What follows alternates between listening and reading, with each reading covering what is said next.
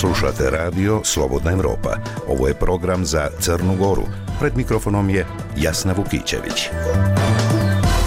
Dobar dan, poštovani slušalci. U ime naše ekipe poziv da budete sa nama do 14 sati, kada možete čuti.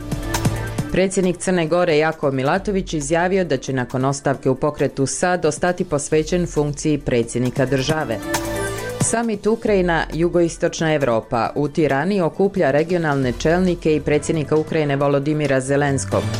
Američki State Department poručio da Beograd i Priština treba hitno da nastave razgovore o upotrebi dinara na Kosovu uz posredovanje Evropske unije.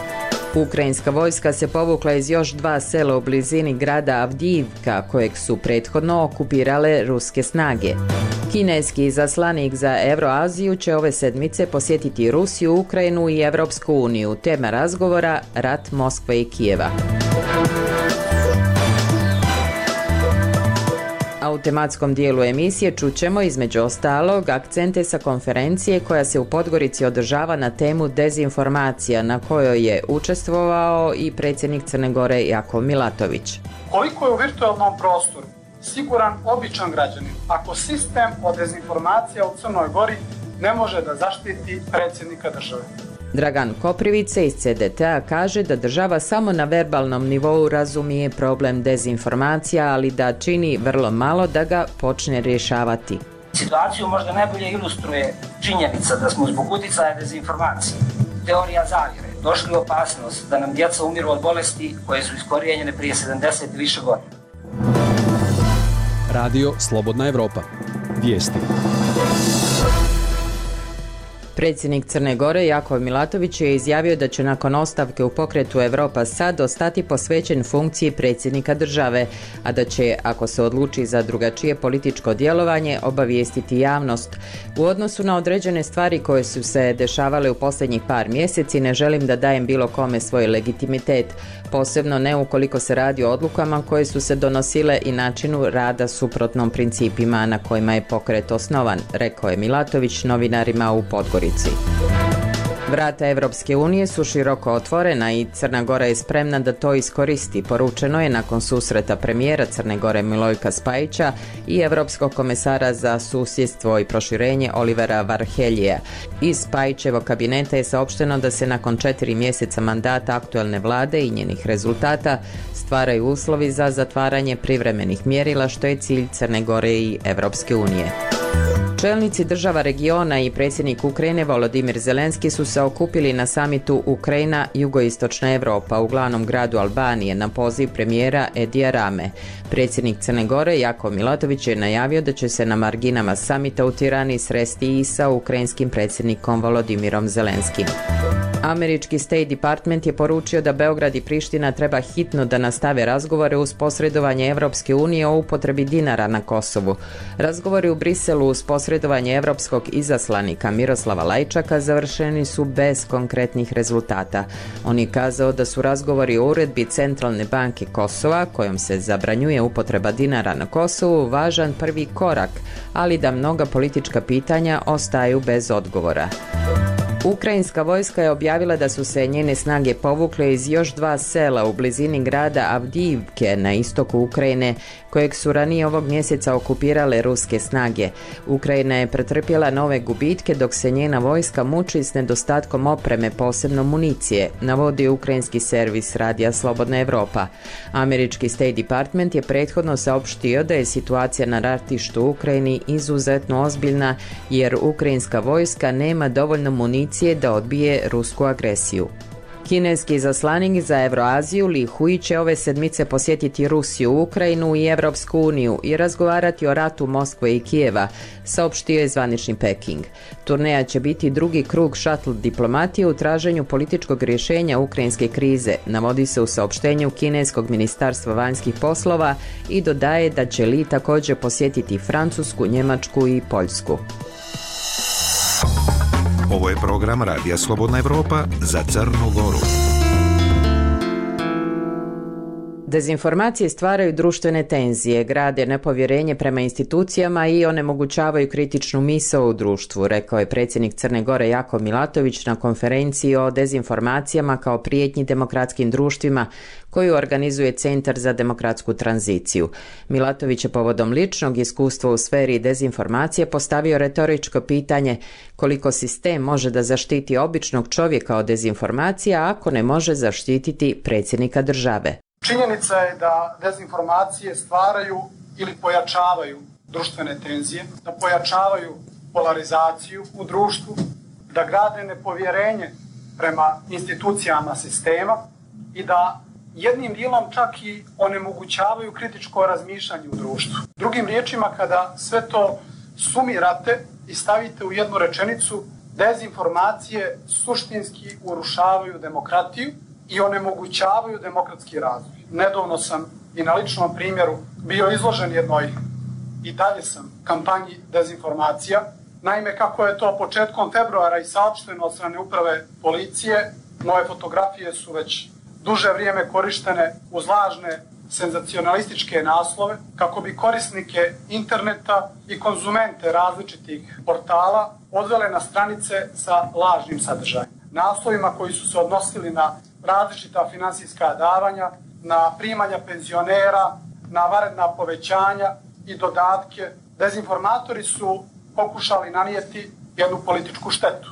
A moji saradnici su svakodnevno odgovarali na pozive građana koji su prosto pokušali da dobiju dodatne informacije koje su ciljano bile, naravno, ovaj, plasirane da budu netačne. Iako je riječ o ozbiljnim manipulativnim radnjama, i dan danas apsolutno nemam odgovore od nadležnih organa ko su odgovorni i ko stoji upravo iza ove dezinformacione kampanje. Zato sam i napravio ovaj uvod u, u ovu jednu ličnu priču sa namjerom da zaista evo i ovdje postavim jednostavno pitanje. Koliko je u virtualnom prostoru, koliko je u virtualnom prostoru siguran običan građanin ako sistem od dezinformacija u Crnoj Gori ne može da zaštiti predsjednika države. Bio je to predsjednik Crne Gore Jako Milatović. Građani su prepušteni sami sebi i država nema puno interesovanja, ani praktičnih mehanizama da se sa ovim problemima aktivnije nosi, rekao je Dragan Koprivica iz CDT-a.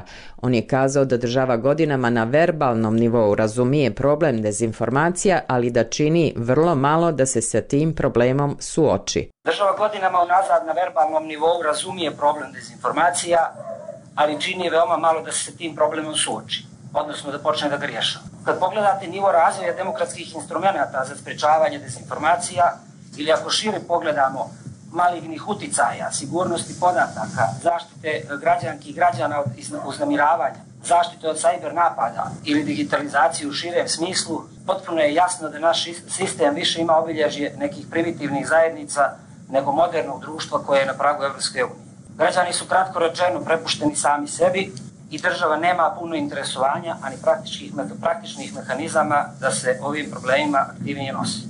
Situaciju možda najbolje ilustruje činjenica da smo zbog uticaja dezinformacije i teorija zavire došli u opasnost da nam djeca umiru od bolesti koje su iskorijenjene prije 70 i više godina. Da većina građana i građanki prepoznaje problem dezinformacije, da shvata da jednom sedmično povjeruju dezinformaciju, ali ujedno vjeruje da globalne elite upravljaju vremenskim uslovima, vjeruje e, gotovo njih 50% da nam Zapad promoviše pedofiliju, a dodatnih 25% ne zna je li to tako, ne može da procijeni, ili da nam preko 60% ljudi vjeruje da je homoseksualnost, bolest ili mentalni poremećaj.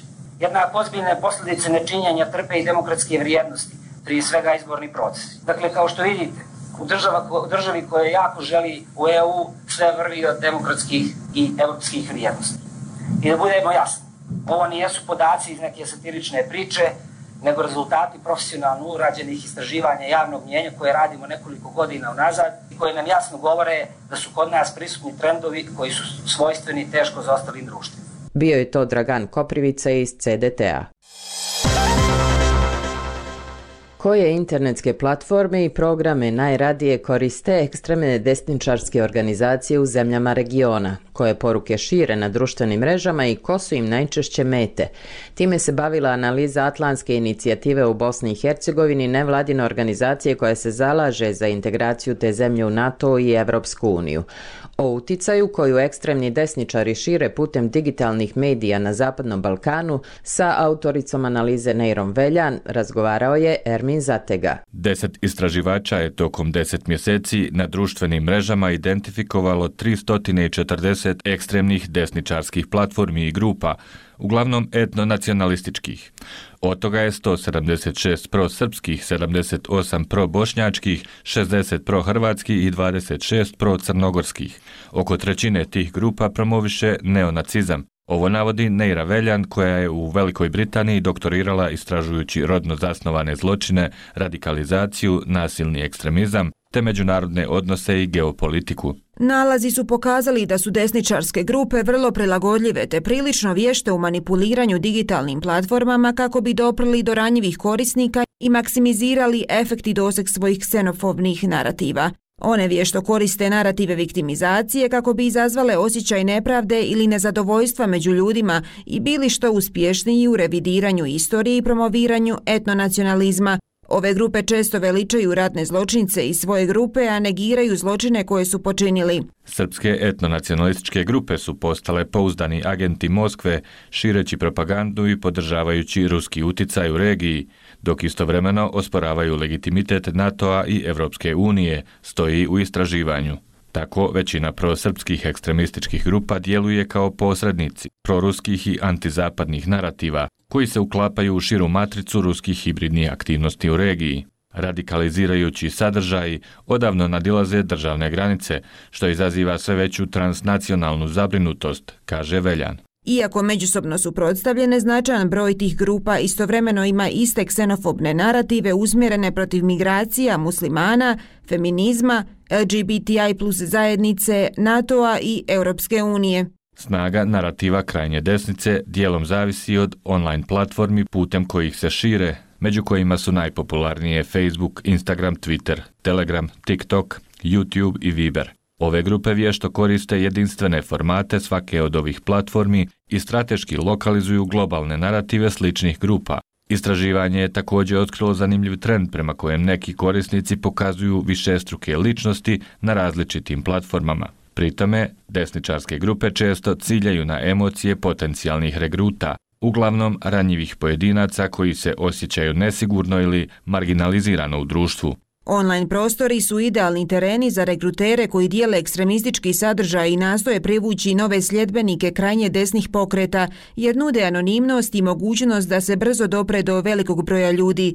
To desničarskim grupama omogućava djelovanje u sjenama virtualnog svijeta koji je puno teže regulirati i nadzirati nego stvarne fizičke sastanke. Ove grupe vješto koriste najpopularnije online platforme i alate kako bi privukle sljedbenike. Online radikalizacija se pokazala kao vrlo efikasna u privlačenju novih regruta. Ove zajednice služe kao odskočna daska za dalje radikalizovanje i poticanje na akciju, te pružaju iluziju šire podrške što može dodatno ohrabriti pojedince da preduzmu nasilne akcije. Za Radio Slobodna Evropa, Ermin Zatega.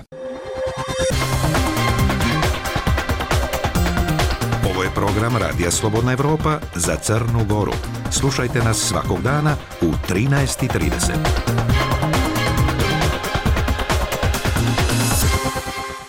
Biden i Trump su pobjedili na stranačkim izborima u američkoj državi Michigan. Predsjednica Evropske komisije Ursula von der Leyen kazala je da bi Evropska unija trebala da razmotri korišćenje profita od zamrznute ruske imovine za kupovinu vojnih zaliha za Ukrajinu. Iz Pekinga najavljen dolazak kineskog izaslanika za Euroaziju Lija Huija 3. marta u Rusiju, Ukrajinu i Evropsku uniju radi razgovora o ratu Rusije i Ukrajine, koji traje već treću godinu. Vijesti iz svijeta pripremila je Kristina Gađe. Trenutni predsjednik Amerike, demokrat Joe Biden i republikanac Donald Trump zabilježili su pobjede na stranačkim glasanjima u Michiganu za predsjedničku nominaciju svojih stranaka, pokazuju projekcije rezultata Edison Research. Biden je dobio oko 79% podrške, a Trump oko 64% podrške. Biden je pobjedio kongresmena iz Minnesota Dina Phillipsa, koji je bio jedini ozbiljni protivnik u borbi za predsjedničku nominaciju demokratske stranke. Michigan je postao epicentar nezadovoljstva pristalica i članova demokratske stranke, koji se protive Bidenovom stavu o ratu Izraela i Hamasa, kojeg Sjedinjene američke države i Europska unija smatraju terorističkom organizacijom. Europska unija bi trebala razmotriti korištenje profita od zamrznute ruske imovine za kupovinu vojnih zaliha za Ukrajinu, kazala je predsjednica Europske komisije Ursula von der Leyen u govoru pred Europskim parlamentom. U govoru se također založila da Europska unija učini više na obrambenoj politici. Von der Leyen je dodala da ne može biti jačeg simbola i veće koristi od tog novca nego da Ukrajinu i cijelu Europu učine sigurnijim mjestom za život. Rekla je da opasnost od rata za Europsku uniju možda nije trenutna, ali da nije nemoguća. Ukrajinska vojska je priopćila da su se njene snage povukle iz još dva sela u blizini grada Avdijivke na istoku Ukrajine koje su zauzele ruske snage tijekom veljače. Ukrajina je pretrpila nove gubitke dok se njena vojska i dalje muči s nedostatkom opreme, posebno vojnih projektila, navodi ukrajinski servis Radija Slobodna Evropa. Ukrajinske trupe povukle su se iz stepove i sjeverne, koje se nalaze zapadno od Avdijivke, rekao je glasnogovornik ukrajinske vojske Dmitro Lihovi. On je dodao da je Rusija pretrpjela značajne gubitke u teškim borbama. Rusko ministarstvo obrane priopćilo je da je zauzelo severnu i da su njegove trupe zauzele povoljnije linije i položaje i napale ukrajinske trupe i opremu u blizini sjeverna i stepove, kao i još jedno naselje, Lastočkine, za koje je Kijev objavio da su se njegove trupe i odatle povukle. Kineski zaslanik za Euroaziju Li Hui će 3. ožujka posjetiti Rusiju, Ukrajinu i Europsku uniju radi razgovora o ratu Moskve i Kijeva koji traje dvije godine, priopćio je Peking. Kako se navodi u priopćenju Kineskog ministarstva vanjskih poslova, turneja će biti drugi krug šatl diplomatije u traženju političkog rješenja ukrajinske krize. Li će također otići u Francusku, Njemačku i Poljsku. Kina je priopćila da je najhitnija stvar u ovom trenutku da se uspostavi mir. Prošle godine Li je posjetio Europu u okviru napora da posreduje u sukobu, održavši razgovore u Moskvi, Kijevu i nizu europskih prijestolnica. Iako Kina kaže da je neutralna strana u ukrajinskom ratu, Peking je pod kritikom zbog odbijanja da osudi Moskvu zbog invazije na Ukrajinu. Za Radio Slobodna Evropa, Kristina Gađe. Nakon smrti Alekseja Navalnog, supruga zatvorenog ruskog opozicionara Vladimira Karamurze, Evgenija, poručuje da strahuje za njegov život. Dio njenog intervjua za Current Time, projekat Radija Slobodna Evropa i Glasa Amerike na ruskom jeziku, prenosi Sonja Gočanin. Osuđen na 25 godina zatvora zbog politički motivisanih optužbi, a sada u samici. Tako Evgenija Karamurza opisuje zatvorski život svog supruga, opozicijonog političara Vladimira Karamurze находится тоже в той же самой одиночке. On je u samici sa zidnim sklopivim krevetićem i stolicom. U takvim su uslovima i ostali politički zatvorenici koji i iza rešetaka odbijaju da ćute i nastavljaju da uveravaju ljude oko sebe gde god bili. Pытаться убеждать людей вокруг, где бы они ни находились. Evgenija Karamurza ističe i da njen muž zna za smrt opozicijonog lidera Alekseja Navalnog. Володя в бешенстве. Vladimir je besan. Vrlo dobro razumem njegov osjećaj i ja sam besna. Nije prvi put da nam režim uzme vrhunskog političara, briljantnih liderskih sposobnosti, čoveka koji je znao uveriti ljude i objasniti stvari koje mnogi ne razumeju. Объяснять to što daleko не всем понятно. Ona tvrdi da su ruske vlasti već dva puta pokušale da ubiju njenog supruga. Мне за Владимира всегда страшно. Uvek se bojim za Vladimira. Preživeo je dva pokušaja trovanja, a oba puta lekari su mu davali 5% šanse da preživi. Videla sam ga u komi modrih stopala. Izgledao je poput hobotnice, jer su mu iz tela virile cevi. Imao je višestruko otkazivanje organa. S tim strahom živim svaki dan. Sada je u rukama ljudi koji su ga dva puta pokušali ubiti. Naravno da se bojim za njegov život. Естественно, я всегда боюсь за его жизнь. Na 25 godina zatvora Karamurza je osuđen u aprilu 2023. zbog optužbi za vele izdaju, širenje lažnih informacija o ruskoj vojsci i rad za organizaciju koja je označena kao nepoželjna. Karamurza te optužbe poriče. Uhapšen u aprilu 2022. po povratku iz inostranstva. Jedan od glavnih kritičara Kremlja, pored ruskog, ima i britansko državljanstvo, a zapadne države više puta su ponavljale apele za njegovo oslobađanje. Za Radio Slobodna Evropa priredila Sonja Gočanin. Vijesti, analize, intervjui, polemike, komentari na web stranicama Radija Slobodna Evropa. Ukucajte slobodnaevropa.org. Nije realan pomak u pregovorima Beograda i Prištine jer obje strane čekaju na ishod izbora za Evropski parlament, kaže za Radio Slobodna Evropa izvršni direktor nevladine organizacije za strateške analize u Bratislavi Jan Cingel. Cingel međutim ocjenjuje da Beograd s posebnom pažnjom iščekuje rasplet na američkim predsjedničkim izborima na jesen, nadajući se da će biti u povoljnijoj poziciji ako pobijedi Donald Trump. Razgovarao Dragan Štavljanin. According to Brussels source, actually our Evropska unija je predložila, kako saznaje Radio Slobodna Evropa, dopune pregovaračkog okvira Srbije. To znači da su obavezi iz Ohridskog sporazuma između Beograda i Prištine sastavni deo pregovora Srbije i Evropske unije o članstvu u ovom bloku. Ako se ovaj predlog ozvanični, kako se to može odraziti na dalje pregovore Beograda i Brisela, imajući u vidu smanjeni entuzijazam kako vlasti, tako i građana Srbije za evropske integracije zbog uslova koje moraju da ispune?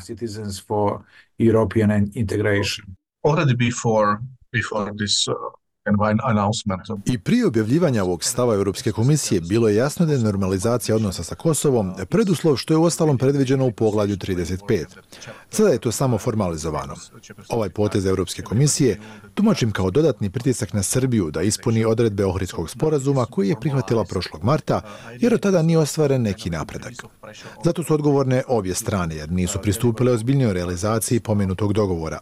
Stoga pretpostavljam da je Brisel htio da pojača pritisak na Srbiju formalnim uključivanjem Ohridskog sporazuma u pregovarački okvir o njenom članstvu u Evropskoj uniji. Istovremeno, Brisel pojačava ovaj i pritisak na Prištinu. Očito je da Evropska unija nastoji da iskoristi preostalo vrijeme do izbora za Evropski parlament u junu kako bi se ostvario neki pomak u dijalogu Beograda i Prištine, jer će tokom ljeta biti obustavljen zbog čekanja na konstituisanje novog saziva Evropske komisije koji će zavisiti od ishoda ovih izbora.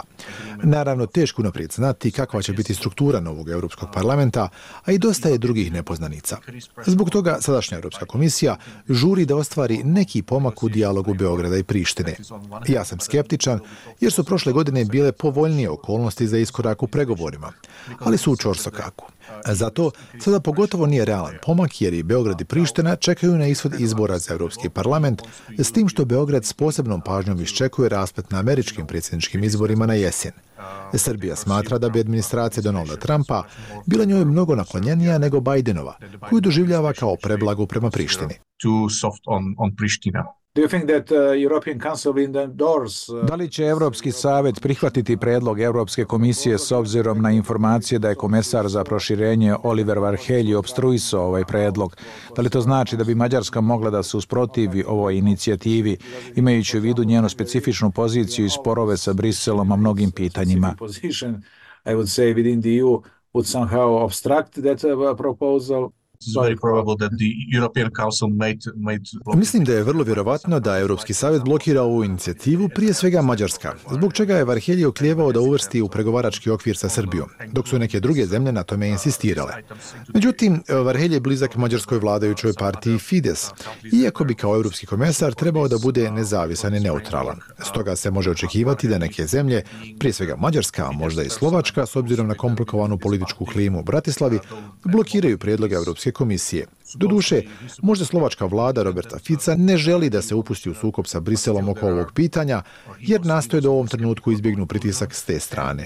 Naime, Fico sprovodi neke političke mjere na domaćem planu, na koje u Briselu ne gledaju blagonaklono.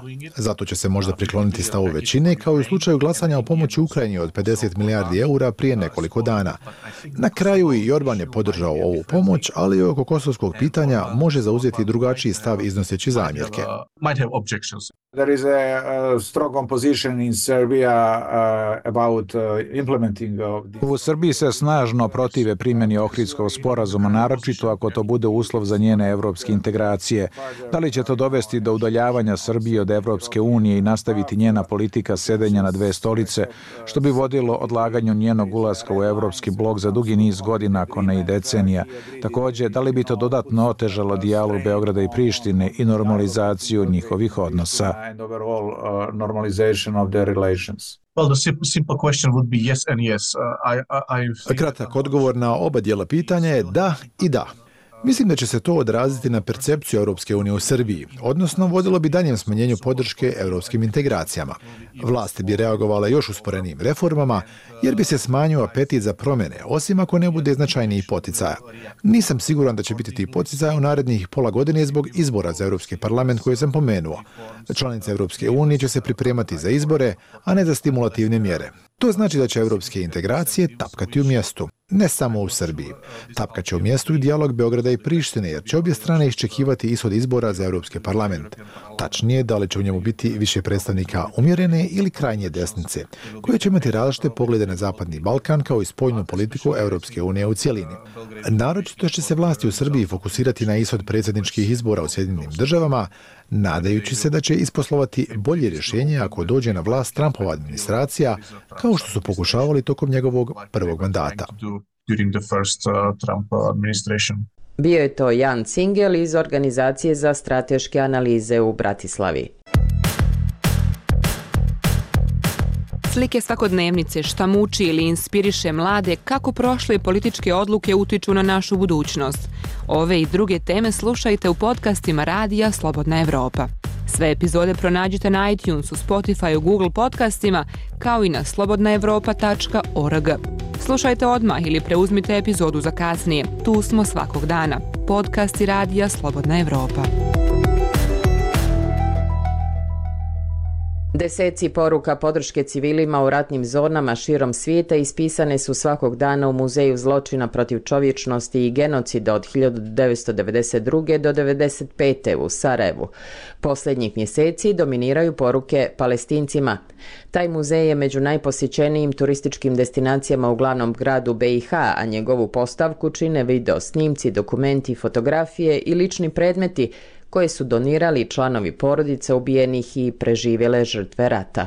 Šejla Ibrahimović. Molitve, želje i poruke podrške palestinskim civilima ispisuju svakodnevno turisti iz cijelog svijeta u Muzeju zločina protiv čovječnosti i genocida.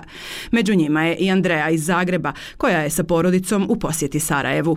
Kaže da joj fotografije i snimci iz pojasa Gaze, koje svakodnevno obilaze svijet, vraćaju sjećanja na rat u Bosni i Hercegovini. Doživjeli smo one sve strahote, ali definitivno znamo šta je Sarajevo prošlo sve i eto, ušli smo, dva dana smo ovdje, e, dojam Sarajeva je divan, ali treba se vratiti u ona sjećanja koja su jako tužna i bolna. Nema razloga da patimo više, a radimo sebi još uvijek zlo. Turista Liam je u Sarajevo došao iz Australije. Kaže da mu je teško shvatiti da svijet nije izvukao pouku iz historije. Ja dolazim iz zemlje gdje se ovakvi ratovi ne dešavaju. Naravno, imali smo i mi svojih komplikacija u historiji, ali ne mogu lično zamisliti da iko želi nešto ovako da se desi. Ja dolazim sa mjesta gdje su svi dobrodošli, tako da je za mene nemoguće da shvatim. Tokom četiri mjeseca u pojasu Gaze ubijeno je više djece, novinara i medicinara nego i u jednom ratu, pokazuju podaci Ujedinjenih nacija. Muzej je otvoren 2016. godine s nadom da će biti opomena i pouka za buduće generacije, kaže Belma Zulić, kustosica muzeja. Zaista puno sličnosti s onim što se danas dešava u svijetu, od etničkog čišćenja, kršenja ljudskih prava, e, borbe e, za život gdje imamo dakle, nehumane uslove u kojima ljudi i borave bez hrane, bez vode, bez struje, bez krova nad glavom, gdje se u suštini sistematski ne samo uništava jedan narod, već i kulturno-istorijsko nasljeđe, gradovi, sve ono što u suštini čini jednu kulturu, naciju i državu. Više od 10.000 eksponata čuva sjećanje na zločine u Bosni i Hercegovini 90. godina. Građani i danas doniraju u muzeju lične predmete i uspomene na svoje najmilije ubijene u ratu. Ova kulturna ustanova je jedna od najposjećenijih destinacija u Sarajevu prema globalnoj turističkoj platformi TripAdvisor. Za Radio Slobodna Evropa iz Sarajeva, Šejla Ibrahimović.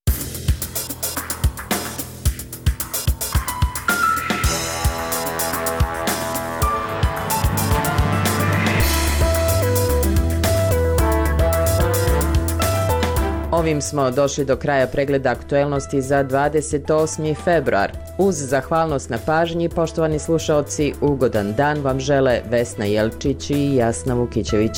Do slušanja.